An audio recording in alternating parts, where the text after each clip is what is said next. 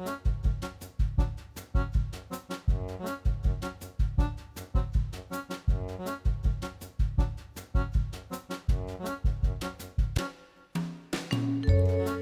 og sæl, velkomin í mannlega þáttin. Í dag er 50 dagur, 9. mars í dag. Já, á þessum degi, árið 1950, held Symfóníuhljómsveit Ísland sína fyrstu tónleika í Östubæabíói og telst hún sem sagt vera stopnuð þennan dag. Já, ágætt að muna það. Já, en þetta er eini viðburun sem við ætlum að rifja upp. Fyrir bara beint yfir í efni þáttarins í dag en hún Jóhanna Byrna Bjartmarsdóttir vakti mikla aðtikla á dögunum þegar hún held erindi á ráðstefnu bugl um skólaforðun, áskoranir og úrræði. En hennar skólaganga gekk aldilis ekki þrautalöst. Hún átti mjög erfitt með lestur því hún er lesblind auk þess að vera með ADHD á einhverju rófi og uh, að glíma við mikil hilsu, miklar hilsufarslegar áskoranir. En á tímabili var hún bundin við hjólastóru og rúmlikjandi vegna veikinda. En á magnaðan hátt uh, fann hún sína leið og í dag stundar hún nám í mentavísindum og helsueflingu í virtum háskóla í bandaríkjónum og ætlar að nýta sér sína reynslu og mentum til að aðstofa börn í svipari stöðu og hún var í. Og Jóhanna Birna ætlar að deila með okkur sinni sögu hér á eftir. Vefsíðan Livðu núna var stopnuð árið 2014 og markmiðið var og er að gera líf og störf þeirra landsmanna sem eru komnir um og yfir miðjanaldur sínilegri og auka umræðu um þau málefni sem tengjast þessu æfiskeiði. Fjölmennustu árgangar Íslandsögunar eru jú að eldast og á næstu áratugum mun fjölga verulega í þessum hópi sem verður 55 ára og eldri. Og útreikningar sína, það er svona að reikna með því að árið 2050 verður um fjórðungur landsmanna komin á eftirlun og á þessum aldri hefst nýtt æfiskeið stundum kallað þriðja aldurskeiðið og það inniber ný viðfangsefni og nýjar áskoranir. Við ætlum að ræða við hana Ernu Indriðadóttur, stopnanda þessara síðu og eins og svo margi sem hafa verið fréttamenn hér, þá er hún titluð fyrirverandi fréttamaður. Já. Það er eitthvað svona titill sem loðir við. Já, já. Eh, svo ætlum við að tala um að badnaheill eh, hefur verið ný ítt úr vör undirskriftasöfnun til að þrýsta á stjórnvöld til að grípa til aðgerða og marka sér stefnu til að uppræta fátakt á Íslandi. En sangkvæmt nýri skíslu Evrópuhóps badnaheilla búa um 10.000 börn við fátakt á Íslandi og hefur svo tala hækkað á milli ára. Og Linda Hrönn Þóristóttir leiðtói innlendra verkefna hjá Barnaheill ætlar að koma til okkar í dag og segja okkur betur frá því. Já, en eins og við sögum það er 9. mars og í dag hefði söngkonan Anna Pálina Árnadóttir orðið 60 ára. Hér eh, kemur lag eftir Aðastinn Ásberg, Sól mín sól með Önnu Pálinu.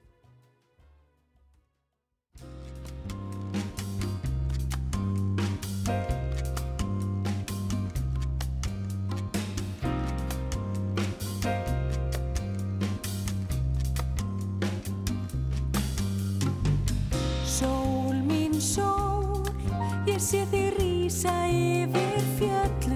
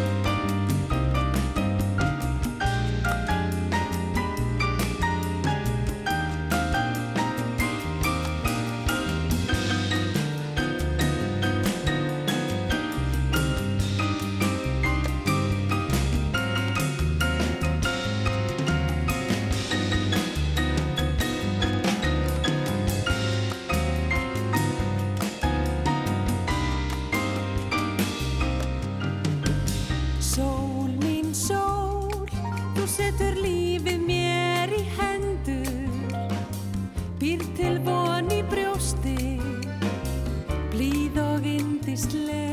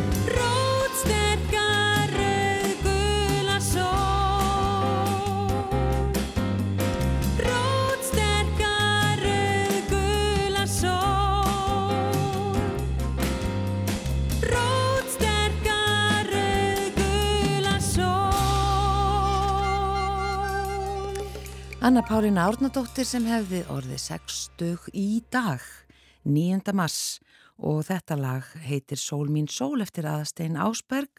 Upphaflega kom það út á plötunni Fjall og fjara 1996 og þarna leku með Gunnar Gunnarsson á piano og Gunnar Hapsson á bassa, Kristján á Árnarsson á gítar og Pétur Gretarsson á trommur. Já, eins og við sögum frá því upphafi þá er hingað komin Jóhanna Birna Bjartmarsdóttir, velkomin í mannlega þáttinn. Takk fyrir. Við ætlum að fá þetta að segja okkur aðeins þína sögu því að þú átt áhugaverða sögu. Uh, þá er ég að tala um þína mentasögu þó að þín saga Mhm. sjálf uh, sem bara yfir höfuð áhugaverð. Þú, uh, þér gekk vel í íþróttum, tónlist, Mhm. stærfræði en þú áttir erfitt með að lesa í skóla. Já, ég ætti mjög erft með að lesa og hérna og, og var hjá fullt af sérkennirum og prófaði alls konar úræði og allt svo lesa það var bara, já, Va- Varstu greind lesblind? já, í fjörðabæk. Já, og, og þannig að og það, þú fegst í rauninni kannski ekki nógu, eða þá hjálp sem að e, dugaði. Já, það var, ég fekk fullt af hjálp sko og það var aðalega svona bara mamma, mömmu Já. að þakka mömmu og pappa sko að hérna finna að þau fund, fundu hérna einhverja sérkennara og eitthvað svona Já, en það bara samt dugði ekki til og hérna og bara enn í dag, þú veist, þá er ég búin að lesa 400 bækur, reyndar allar á ennsku mm en hérna en ég les samt bara á sama ræð og meðal þriðibækingurinn á íslensku sko. Já, þetta, við erum nú fjallað til dæmis um þetta í þættinu hér, það er þessi áhersla á lesraða í, á Mhm. móti mögulega lesskilningi og Já, það, en það er annað og meira líka sem að þú hefur verið að glíma við. Þú ert líka með ADHD mm og, og þú ert einhverf, já þannig að ekkert af þessu hjálpaði þér í skólakerfinu. Nei, þetta var ekki alveg að vinna með mér hérna heima sko. Nei, og, og í rauninni bara til að gera langasögur stutta þá bara gekk ekkert sérstaklega vel í skóla Mm og þegar koma að mentaskóla, hvað þá?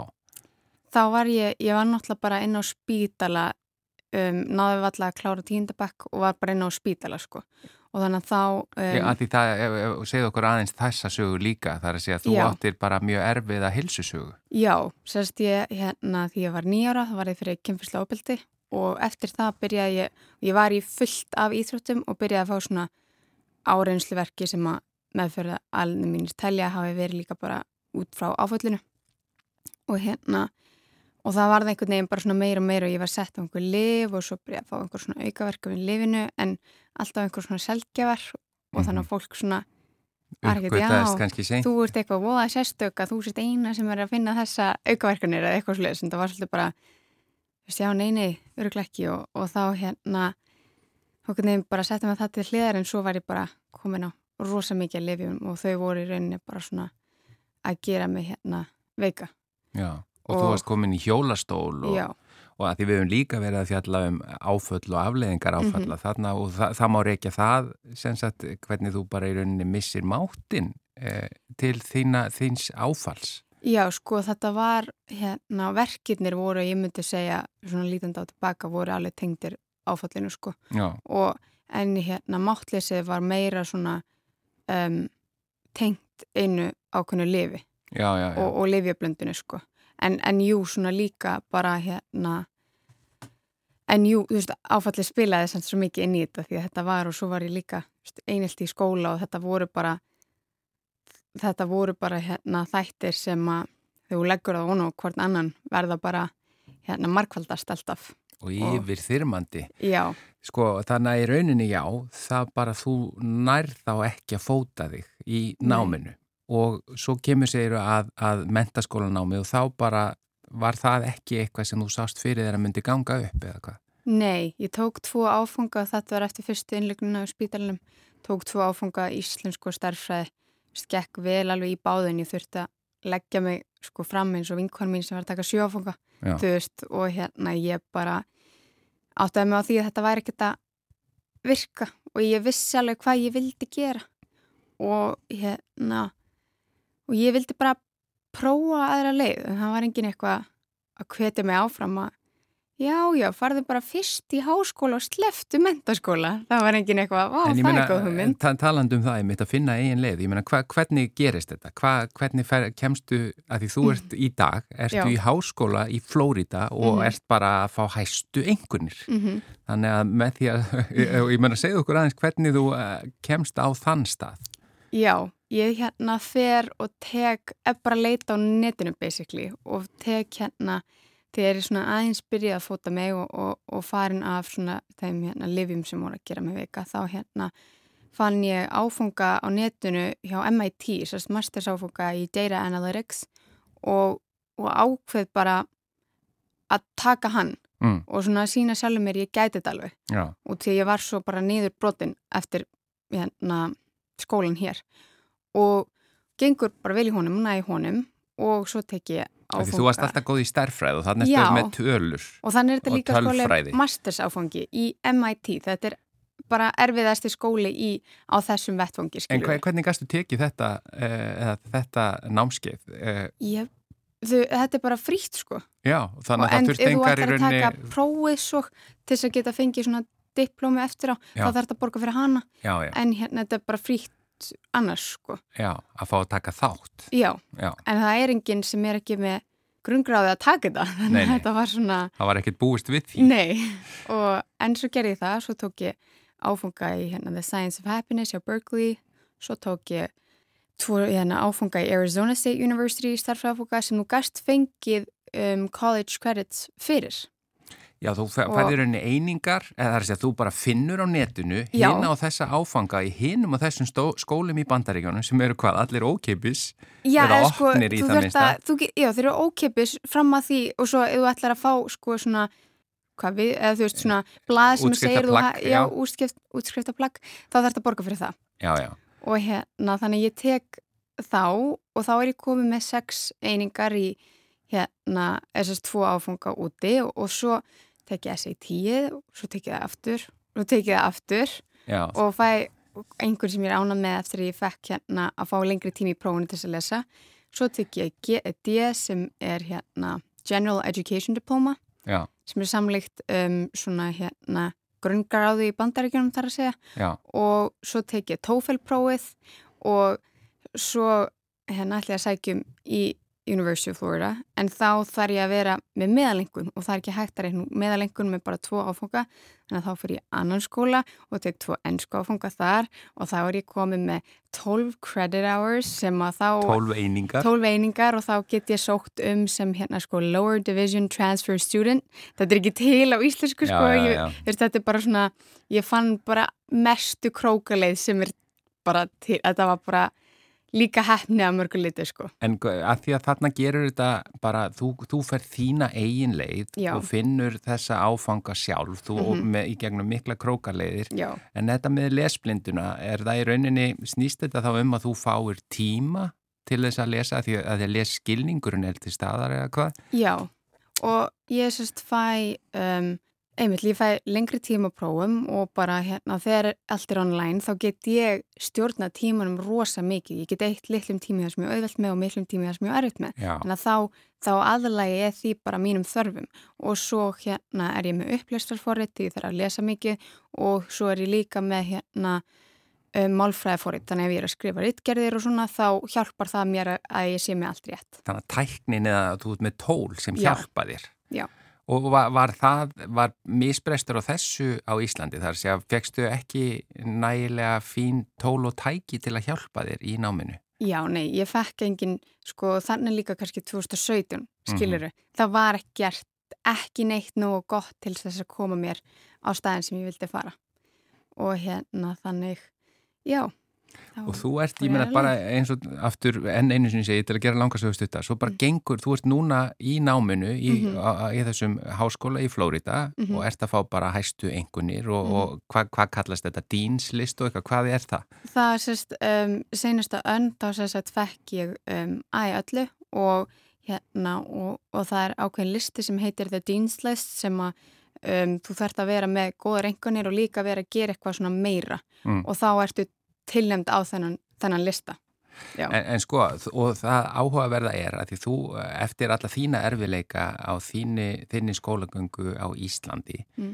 þá ert þú að læra núna að þú ert að læra mentavísindi Já, og, og þig langar til þess í rauninni að reyna að breyta þessu fyrir Mhm. uh, að þú ert í rauninni að vinna fyrir sjálfa þig eins og, eins og hefði gagnast þér best á, á sínum tíma.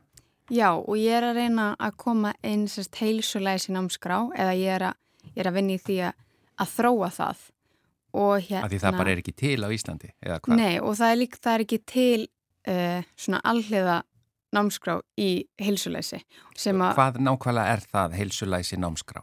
um, það er eitthvað sem að ég í rauninni bara er að búa til Mm. og finnst vera þörfa á og það er eitthvað sem að myndi að kenna nefndum um næringu, líkamlega og andlega heilsveflingu, um, endurlífgunarþjálfun og bjargráð og samskipti og þetta er þið frá fyrsta til tóltabekk og þetta er þið, það þurft að rannsaka nákvæmlega hvað þarf að kenna á hvaða tímapunkti í hvaða magni og á hvaða hátt að þetta eru viðkvæm málefni en um, út af hjálpunni sem að ég fekk í barnahúsi á ungum aldri Mm. og hjá bugl setna mér þá, þá áttaði ég á mig að ég var rosa heppin að fá þessi bjargráð sem að hafa nýst mér og, og, og hjálpa mér að yfirstiga þessu bara stóru fjöll af mótleiti og Mhm. hérna og ég vil að allir hafi aðgang að þessu og þannig að gera nefndum kleifta að lifa heilbriðu lífi og taka auklistar ákvæmnir og sigrast á mótleiti.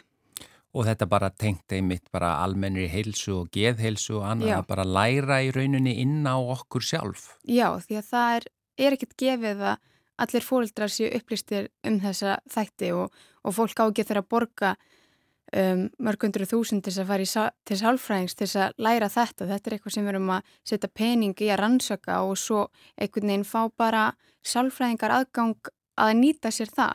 Og mér finnst það ekki alveg rétt. Mér finnst þetta eitt að vera kerfisbundin forvörn í samfélaginu sem að allir hafi af af- grunnnáminu. aðgang að. Já. Já, mjög áhugavert. Þetta er, myndur þú halda, því við erum búin að fjalla um, mikið um áföll og afleiðingar Mhm. áfalla og, og, og einmitt hvenar að auðvitað er alltaf best að grípa sem fyrst inn í. Þannig að þarna í þessu námi var ég jafnvel tækifæri til þess að vinna á uh, alls konar málum sem krakkar er að, að, að glíma við.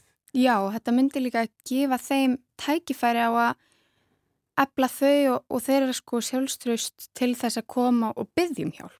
Já, Því að það eru rosalega margir sem að bara hérna veit ekki eða þóri ekki að byggjum hjálp eða eitthvað svoleiðis en þegar þú er komin með þetta inn í kerfið og búin að upplýsa nefndur um þetta þá er þið mun líklega að þeir geti sjálfur fundið hjálp fyrir sig og hérna því að það er ekki hægt að vera með einhvern sem að bara lesa hugsanir hjá öllum börnum og bara á einhvern veginn að sjá þegar þau eru í erfileikum já. því að það er ekkert alltaf þannig.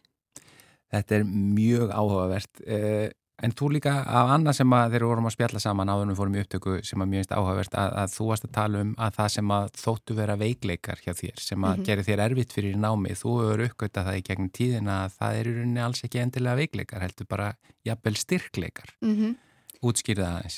Þetta er bara, ég vil tala um þetta eins og þetta séu hérna tvær hliðar á sama peningnum. mm. Til dæmis að vera þrjóskur eða vera með þrautsegu eða vera um, eða erfitt með að stoppa eða sigrast á mótlæti eða það eru svo mörg dæmi og ég var með hérna glæru með fullt af dæmum á hérna ÖBI-málþinginu Já, um, uh, og sem er hægt að finna á vefsíðinu minni uh, johannabirnabjartmars.com og þá tala ég um einmitt, veist, þetta eru styrkleikar, þetta, er, þetta snýst bara um umhverfið sem að einstaklingarnir eru í og hvernig, hvern, hvað það er að draga fram úr þeim og ef við hjálpum þeim að, að móta þessa þætti í sína helstu styrkleika þá getur það farið að blómstra á sínum forsendum.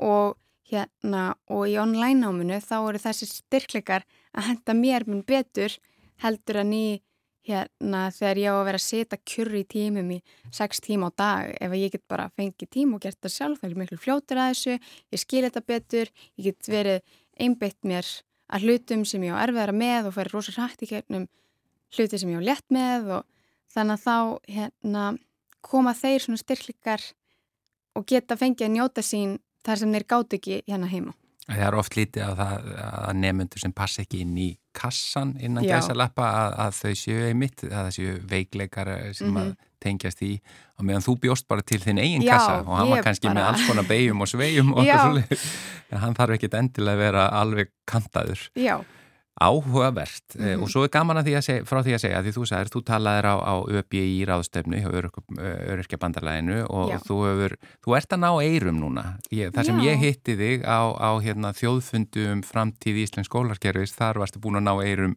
barna og mentamálar á þeirra já, og þannig að þú ætlar að þér að koma þessu áfram, það Já. er augljóst að þú ert að fara áfram með þetta, þannig að ég hafa verið mjög áhugavert og eins og ég segi líka, þetta tengist eh, svo mörgu sem við höfum fjallaðum hér, til dæmis áföll og afleðingar áfalla, já, þarna getur mögulega verið komið einhvað sem getur komið inn í skólakerfið og, og, og þannig að Jóhanna Birna Bjartmarsdóttir, þakka þér innlega fyrir að koma og deila þinni sögu hér og við bara fylgjumst áfram með þér og þú lætur og vonandi bara nær þetta allt saman brautargengi. Takk innlega fyrir komin í mannlega þáttin. takk hella fyrir mig.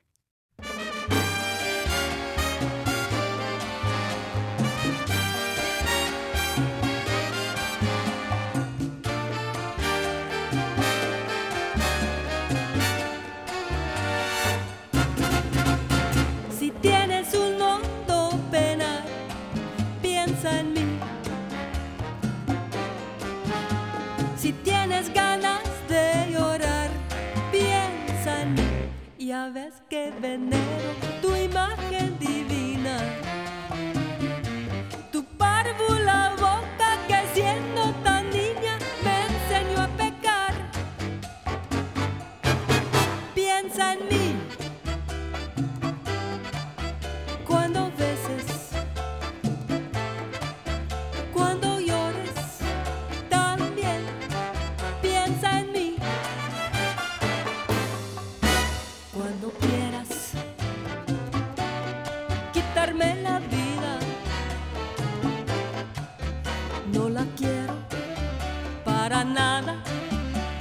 なな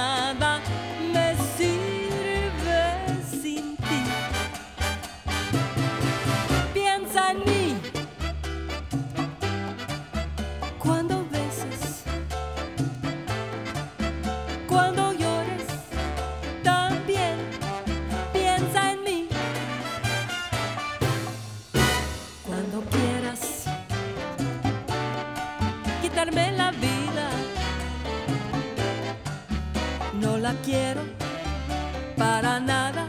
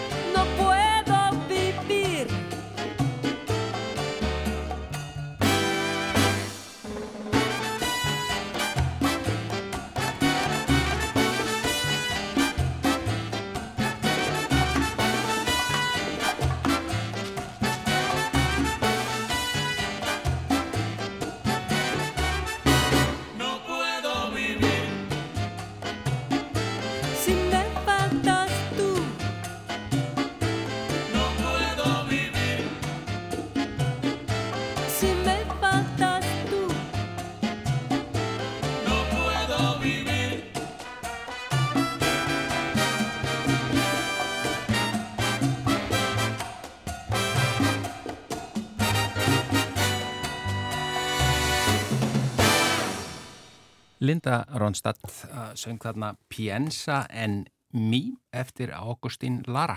Já, og uh, við sögum hér í uppafi frá uh, þessari vefsíðu sem nú mjög margir þekkja, uh, Livðu núna og var stopnuð, livðunúna.is, stopnuð árið 2014 og markmiði var og er að gera líf og störf þeirra landsmanna sem eru komnir um og yfir miðan aldur sínilegri og auka umræðu um þau málefni sem tengjast þessu æfiskeiði. E, Erna Indriðadóttir, stofnandi síðunar, hún er sest hérna hjá okkur velkomin. Takk, takk ykkur kjærlega fyrir. Og við tittlum því í upphafi sem fyrirverandi fréttamæður, það er eitthvað sem fylgir öllum Já, sem hafa unni hérna sem fréttamenn. Ég, ég, ég, titla mér nefnilega sem fjölmeila konu. Já, Já, það góð auðvita, líka. fjölmiðla kona og, og, og hérna, og svo varstu líka var það ekki stjórnandi eh, stöðvar okkar á Akureyri um, um tíma. Jú, jú, mikið rétt. Rúvak. Það er orðan sér langt segja. Já, en hérna, ja, ekki svo. En við vorum einmitt að ræða bara meðan, meðan lagi var í, í loftinu að, að hérna, fjölmennustu árgangar Íslandsögunar eru jú að, að eldast og það var svona ákveðnir útreikningar á, á síðunni eh, sem sagt með það að árið 2050 verður um fjórðungu landsmanna komin á eftirlaun og þetta verðist alltaf ganga eftir. Já, það er nokkuð vitað sko. Já, er Hverjir verða komnir á eftirlaun árið 2050. Já, Þannig að, þannig að þetta er, stór hópur og uh, það er þannig og hefur verið að, að það hafa verið svona cirka mm, hvað, sex á bakvið hvern, hvern eftirlaunamann sem er í landinu sko, sex ungir atvinnu, á atvinnumarkaði og ég held að séu núna að fara, það stefnir í sem sagt að 2050 að verði bara einn eða tveir En það eru náttúrulega aðra þjóðir sem hafa verið að, að hérna, glíma við þetta líka og þær leysa þetta til dæmis með því að flytja bara inn fólk til að vinna. já. Og við erum náttúrulega á góðri leið þangað, Já. þannig að kannski verða fleiri til að standa undir þjónustu og öðru sem þarf þegar, að, þegar þeir sem að verða gamlir eh, 2050 koma. Já. E, þú stopnar þessu F-síðu 2014, e, já, af hverju? Og hvað hefur breyst? Já, þetta er nú góð spurning, ég hef nú svaraði svo oft, mér fannst bara svona sem fyrirverandi fréttamanni að Fréttakonu. að vera svolítið sérstakt að, að, að ég var ofta að tala við fólk og þetta var fólk á ymsum aldri og fólk í allskinn stöðum og svo einhvern veginn hvarf, svo, svo fór, hætti þetta fólk kannski vegna aldurs að vinna eða þá bara hvarfa það einhvern veginn úr, úr samfélaginu og mér fannst eiginlega ekki vera neinn umfjöllun um lífið sem er nú bara, fólk lifir ákveðnu lífi kannski núna í dag frá 60 til nýra, settur um 30 ár Mm. og það vantaði einhvern veginn alla umfjöllun í fjölmeilum fannst mér um þetta eða voða mikið, ég er ekki að segja að það hef ekkert verið, alls ekki en, en mér fannst vanta meir umfjöllun og, og bara um það sem breytist í lífinni á fólki, það sem, sem breytist þegar fólk hættir að vinna og það eru fjármálastaðan og það eru húsnæðismálin og, og hvernig er það að fara að sitja heima með makanum allan daginn og, og það er bara allt mögulegt. Og svo auðvitað hjá sömum eru það veikindi og, og, og svo hjá öðrum sem eru frískir er þeir eru að ferðast út um allan heim. Eh, mér finnst ég sjá voða litla umfjöllun um það sem þessi aldurshópur er að fást við sko. Til dæmis það er ekkert mikil umfjöllun um það hvernig á að minka við sig og hvernig er gott að minka við sig. Ég er til dæmis gott að minka við sig húsnæði núna þegar það er svona mikil uh, hérna, verðbólka og, og svona fasteignamarkaður er virkilega ótryggur Já, og það, það er svona allskyns, ég mér finnst það vanta þetta sjónarhótt mjög oft sko, það er bara ekkert hugsað út í það og ég er ekkert endilega mjög að hissa á því að því að ég hef sjálf verið blaðamadur og ég verð bara að játa það á mig að ég var ekkert ofsalega ofsalega hérna áhuga sem um þennan hóp þegar ég var þrítug sko, bara alls ekki. Nei, Þannig að þetta fylgir auðvitað bara því að þeir sem eldast hafa auðvitað áhuga á þessu og mér fannst gaman að setja á lakirnar þessa vefsíðu og taka þátt í að gera þetta sínilegra og, og skapa meiri umræðu. Auðvitað eru alltaf einhverjir sem er að ræða þessi mál og fjölu eldri borgara og ýmsir þannig að það er ekki eins og það sé engin að því en, en mér fannst gaman að koma inn í, í þetta með þessa vefsíðu og svona aðeins að reyna að halda þessu svolítið á lofti. já. En svona áherslunar, eru þær það sömu eða hefur samfélagið breyst mikið á þessum nýju árum? Mm, samfélagið hefur kannski ekki breyst svo svakalega mikið á þessum nýju árum en það sem hefur breyst náttúrulega er að það er alltaf fleiri og fleiri sem að er að eldast og þetta er bara rosaleg fjölgun og það er eins og menn hafi svolítið sofið á verðinum og alls ekki verið að gera ráð fyrir því að við myndum einhver tíman eldast og það eru svona margir komnir á eftirlaun. Mm. Þannig að, að hérna, mér finnst svona heldur hafa gengið hægt í þeim efnum og og ég veit að, að bæði fjölu eldriborgara og landsambandið hafa, hafa verið að ræða við stjórnvöld og ræða við verkefliðsreifinguna og ræða við ímsa um að, að það sé brínt að taka upp þessu hinn mál og það gengur bara svakalega hægt. Þetta sefur nú mikið í einhverjum nefndum, sínist mér og, og, og það gerist einhvern veginn ekkert voðalega mikið. Þannig að, að hérna að þetta gengur mjög hægt. Já og skrítið í rauninni að, að menn skul ekki hafa búið sér betur undir þetta vegna þess að við búum okkur undir allt mögulega sem getur gerst, köllugós og öskjugós og hvað hva sem er en, en menn hafa ekki verið með neitt langtíma plan eða einhverjar hugmyndir, einhverjar stefnu varandi það hvernig ætti að mæta þessari fjölkun. Það eru auðvitað mjög margir að gera margt sko áhugavert og, og leggja sér fram bara mjög margir en það vantar einhvern veginn alveg heildar stefnuna. Mm og það náttúrulega vekur óöryggi hjá fólki sérstaklega þeir sem þurfa orðið á kannski þjónustu að halda og margir eiga fóreldra, margir á miðjum aldrei eiga fóreldra sem þurfa bara þjónustu að halda og ymsu og, og það er svona ákveðið óöryggi, hvað á að gera og fólk þekkir þetta ekki og svona. Þannig að mér finnst eh, að stjórnvöld mættu alveg að girða sér í brók og, og mörg sveitarfélög og, og svona taka svona betur á þessum málum. Einmitt. Eh, nú náttúrulega þeir sem eru að nota þessa síðu, lesendur, hvað vilja þeir eh, lesa? Vitið það svona, já, eftir öll þessi á svona sirka, hvað, hvað er svona, já, vinsalast til þess? Já, já, já, já. Það, það, það er auðvilt að sjá það á vefsíðum en, en hérna það, það, það er til dæmis eitt ef við bara horfum á þetta bara síðustu vikur sko, að það sem að er það er til dæmis gríðarlegur áhuga á erðamálum Það hafa mjög margir á þessum aldrei áhuga því. Menn eru líka fannar speklur í því hvað, hvernig það er að skipta eh, arfi millir barnála sinna eða hvernig það vil, eh, hérna, hvað það vil gera við sína eigur. Og, og, hérna, og það er til dæmis eitt sem að, sem að ég var með greinu um, það er, sagt, eh, það er um, um svona það að, að það er hægt að gera arf, ef maður á barn og, og það ef þig að þú getur gert arfin að sér eign þessa bass og það eru margir, sérstaklega fráskildir foreldrar sem að vilja gera þetta vegna þess að það, það, þeim finnst ekki volið góð tilugsun að barnið kannski, e, það falli frá sagt, og barnið erfir og svo skilur það kannski eftir, eftir tvö ár og þá, þá fer tengda barnið bara með helmingin arfinum í burtu sko. þannig að þetta er svona ymsi hlutir sem fólk er bara spá og spekulegur í Já. Svo náttúrulega marga samsettar fjölskyldur Já, marg samsettar fjölskyldur þetta er mjög flókið og eins líka það að, að, hérna, að geta setið í óskiptu búi þegar fólk hérna, er kannski með sitt gott barnahópin og þetta er ekki svolítið flókið mál og það þarf að hugsa um þetta og, og tala nú ekki um þá sem eru bara í sambúð og er ekki kannski með, þar er engin erðaréttur gagkvæmur þannig að það er svona margt sem þarf að hugsa um þegar, þegar kemur á þessu og ég sé að þetta er svaka mikið lesið allt sem lítur á þessu ja. og svo náttúrulega er það starfslokin og, og uh, hvernig fólk svona veldur þessu fyrir sér og hvernig þetta verður uh, þegar, þegar fólk hættir að vinna og flestir sko vita að teikurnamenni minga verulega og menn svona velta fyrir sér hvernig sniðut að haga sínum fjármálum og, og allt mögulegt sem tengist tí er, er, er hérna mikið lesið Já. og uh, svo náttúrulega bara um lífið ég menna það var mjög Það er ótrúlega mikið bara áhugavert efni hérna. Ég verða að benda á eina grein hérna. Hvað er til ráða þegar þið líst ekki á kærasta eða kærustur batnana þeina Já. þetta nú getur alveg verið bara stórt mál.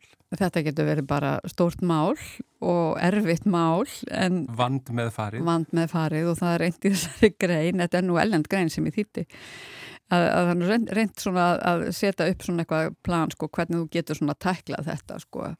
Ef þetta eru nú bara einhverjir algjörði fordómar eða eitthvað slíkt þá er það best að halda sínum bara saman. Og svo er það ekki vinsælt hjá börnunum þegar að fóreldrarnir að fóreldrarnir ætla að fara að skipta sér eitthvað þeirra makavalli eða, eða e, vinum. Mm. þannig að, að hérna það þarf að gera þetta mjög á mjög svona gera þetta mjög vel en alltaf út, þetta, út í þetta ána borð. En það er líka bent á það að, að kannski að stundum séu bara kannski barnið að verða fyrir ofbeldi í einhverju sambandi, barnið þitt og barn og það er í sambandi og verður fyrir ofbeldi þá áttu náttúrulega að reyna að gera eitthvað í því sko. já, já. stíga inn í það. stíga inn í það það getur verið ástæða til þegar þannig stendur á. Já, akkurat. En, en svona í venjulegum tilfellum held ég sem er best að láta þetta bara hafa sin gang. Já, einmitt, akkurat.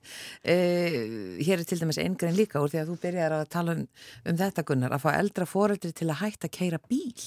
Mm. Þetta er líka bara mjög viðkvæmt. Já og lítið til dæmis fjallað um þetta í almennum fjölmiðlum, þetta er samt fjöldi fólk sem stendur alltaf frammi fyrir þessu. Og maður getur séð það sjálfur, hvernig allir okkur er þið við ef við ætlum bara allt í hennu að bara tekja hennaði bílinn, hérna, þú kontu hérna með liklan og þú getur ekki kert lengur og bara hérna, máttu alls ekki vera að keira og, og hvernig ætlum maður er þið við, maður getur ekkit, maður finnist kannski maður getur ekkit farið, ekki getur mm. skroppið upp á akranis eða þetta er það góðið eitthvað miklu meira mál að vera bíllaus sko. Auðvitað hægt að taka stræt og leiðu bíla kannski og svona en, en, en þetta er mjög hérna erfitt fyrir fólk að standa frammi fyrir því. Já. Þetta er svo mikil frelsisskerðing. Já, akkurat. En takk fyrir komina Erna Indriðadóttir og við bara bendum á, á þessa síðu sem heitir Livðu núna livdunúna.is mjög áhugaverð og, og bara frábæra greinar hérna mjög hérna góð síða. Stopnu 2014, nýju ára, verið tíu ára næsta ári. Þannig að við erum eftir að fá þið aftur í viðtal. Takk fyrir þetta Erna. Takk fyrir.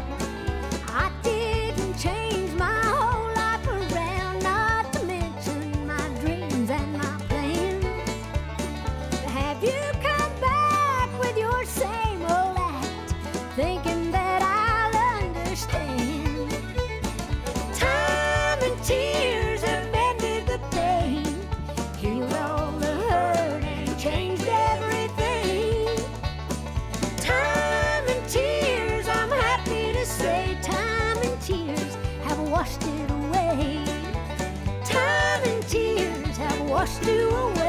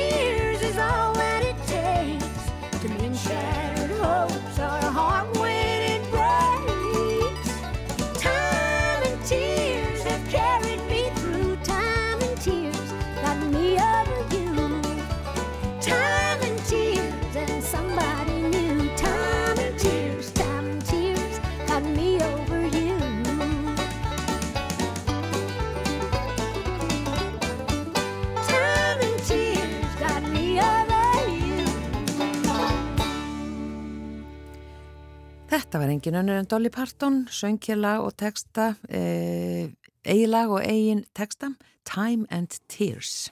Já, uh, við ætlum að fjalla hér um, á næstu mínútum um þessa undirskriftasöfnun sem að Badnahill hefur ítt úr vör til að þrýsta á stjórnvöld til að grípa til aðgerða og marka sér stefnu til að uppræta fátakt á Íslandi. Lindarhönn Þóristóttir, leiðtói innlendra verkefna hjá Badnahill er hinga komin, velkomin í manlega þáttinn. Takk fyrir það. Eh, það er eh, skísla, ný skísla eh, á vegum Evrópuhóp Spanahilla. Mm -hmm. Segð okkur aðeins hver niðurstaðan er í ár og, og, og hún er ekki góð ef við byrjum sama við árið og undan. Nei, því miður eru tölunar ekki á þann veg sem við hefðum helst kosið. Um, niðurstöður gefa það til kynna að fátækt á meðal barna hefur aukist hér á landi.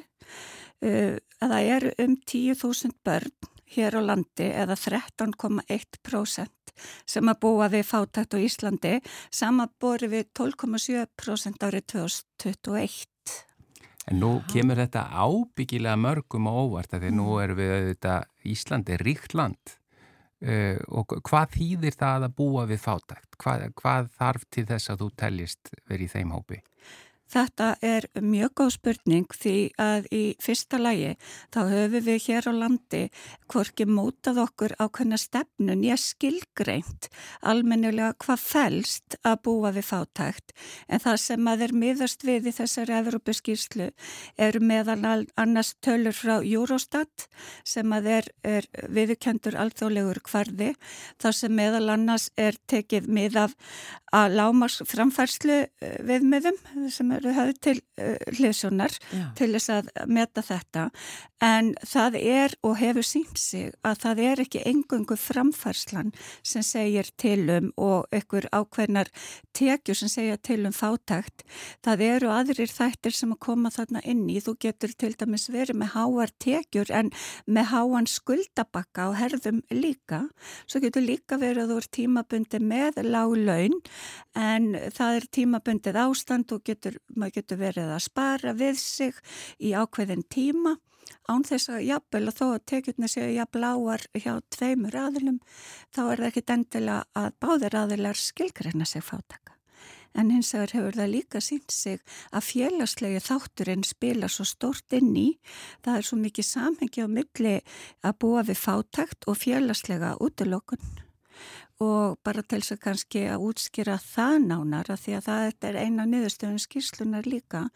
Það er að ef að foreldrar eru hafa lítið eftir til framfærslu á mánuði þá er það yfirleitt tómstundir barna sem eru það fyrsta sem að detta út.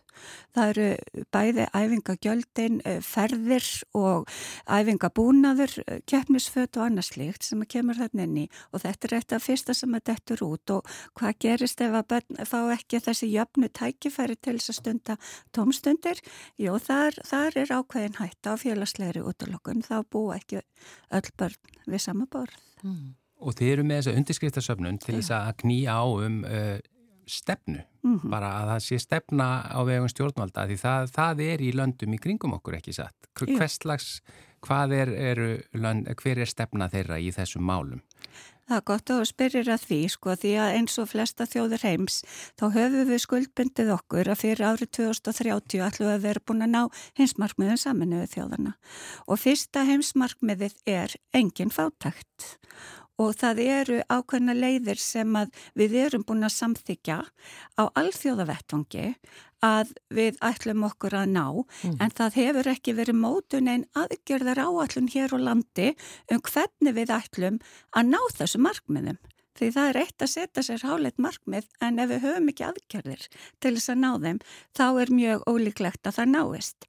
Um, ég get nefnt til dæmis eins og Finnland sem við byrjum okkur nú oft saman við Norðurlöndin og þar hafa til dæmis Finnar sett sér það markmið að að draga verulega fátakt og félagslega reynakurum fyrir 2030 og eru með aðgerðar áætlun og mæli hvarða þar sem þau eru með hérna svona ákveðin mælikvar til þess að mæla hvaða vísbendingar er um það, uh, hvað telst vera fátakt og hvaða leiður þau eru að fara til þess. Ég get nefnt Belgíu sem dæmi þar sem að um, er sér, sérstaklega forgansraðað fyrir börn sem eru uh, sérlega viðkvæm. Uh, það er heilsugjæslan kemur með snemtaka í hlutun uh, bara strax á fyrstu stundu. Hér á landi til að mynda þá það séu yfir 95% batna sem að fara í ungbarnavend þá er engin innköllunar skilda og, og hérna þannig að það er ekki allir kallaðir inn þar. Það væri til dæmis svo kjörið fyrir okkur að byrja strax þar því að, að sjá raun að veru í hvernig stöðu börn eru þannig við getum haft þessa heildrænu nálgun.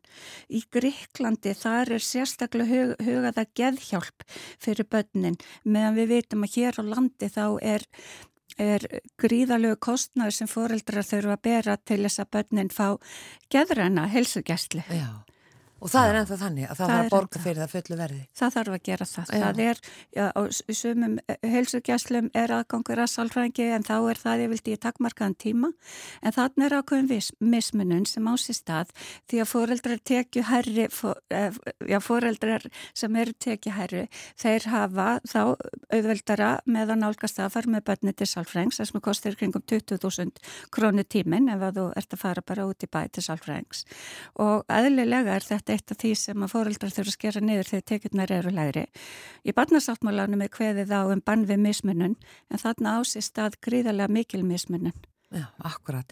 E, sem sagt svona aðgeri sem stjórnvöld þurfa að grípa til að ykkar mati, e, það er til dæmis og mjög ofalega fjárhagslegt örugt húsnæði fyrir láttekjufjölskyldur. Já, þetta er eitt megin atriði, það er þessi húsnæðisliðurinn okkar og þetta hefur þetta ekki, ekki batnað með aukinni verðbólgu. Verðbólgan hefur auðvitað aukisali greiðilega mikið bara síðastlegið ár ef við skoðum það. Já.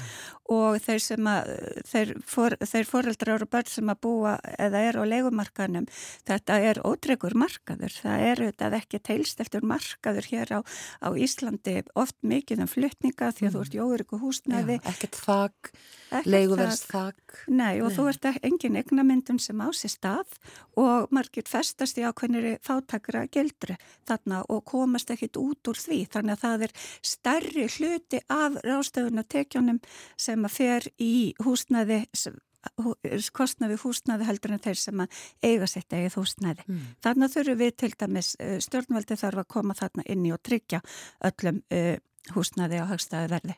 Og svo þetta eins og þið bendið á hérna í punktum að, að tryggja öllum börnum næringaríka máltíð og gjaldfrálsa skólagöngu og allt slíkt. En hvað er hægt að nálgast þessa undirskriftasöfnun eh, ef að fólk vil taka þátt? Það er inn á barnaheill.is skástrygg 10.000 sem sagt 1.0000 þar eh, getur þið farið inn á og skorað undir með okkur, skrifað undir og skorað þannig á stjórnvöld að setja sér stefnu og að gera aðgera allan í kjálfari til þess að útrýma fátakt í eitt skipti fyrir all. Þetta áveit ekki að líðast í velferðaríkinu í Íslandi. Linda Hrönn Þóristóttir, leiðtói innlendra verkefna hjá Batnaheill. Takk kærlega fyrir að koma í manlega þáttin. Takk kærlega fyrir.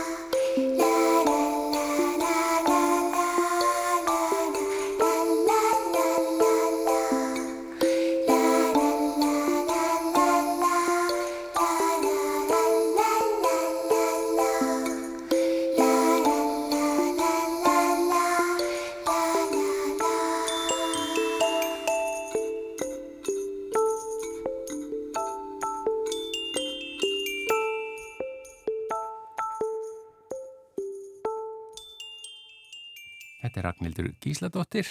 Illi Milli. Já, frábært lag. Já. Og, og, og hún samti það auðvitað sjálf bara.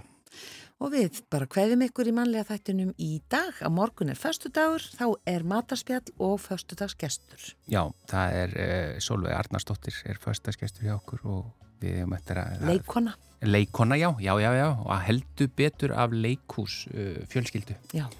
Uh, og, og uh, svo er það matarspjall sem að kemur bara í ljósa morgunni, það gefur ekki að halda því Jú, lengur. jú, það er alltaf svo spennandi. Já. En takk fyrir komuna, Gunnar, Já, í, í, í. Já, takk fyrir komin, já, þakka þér innlega sömu leiðis fyrir komin og, og, og spjallið í dag Verstu sæl. verstu sæl.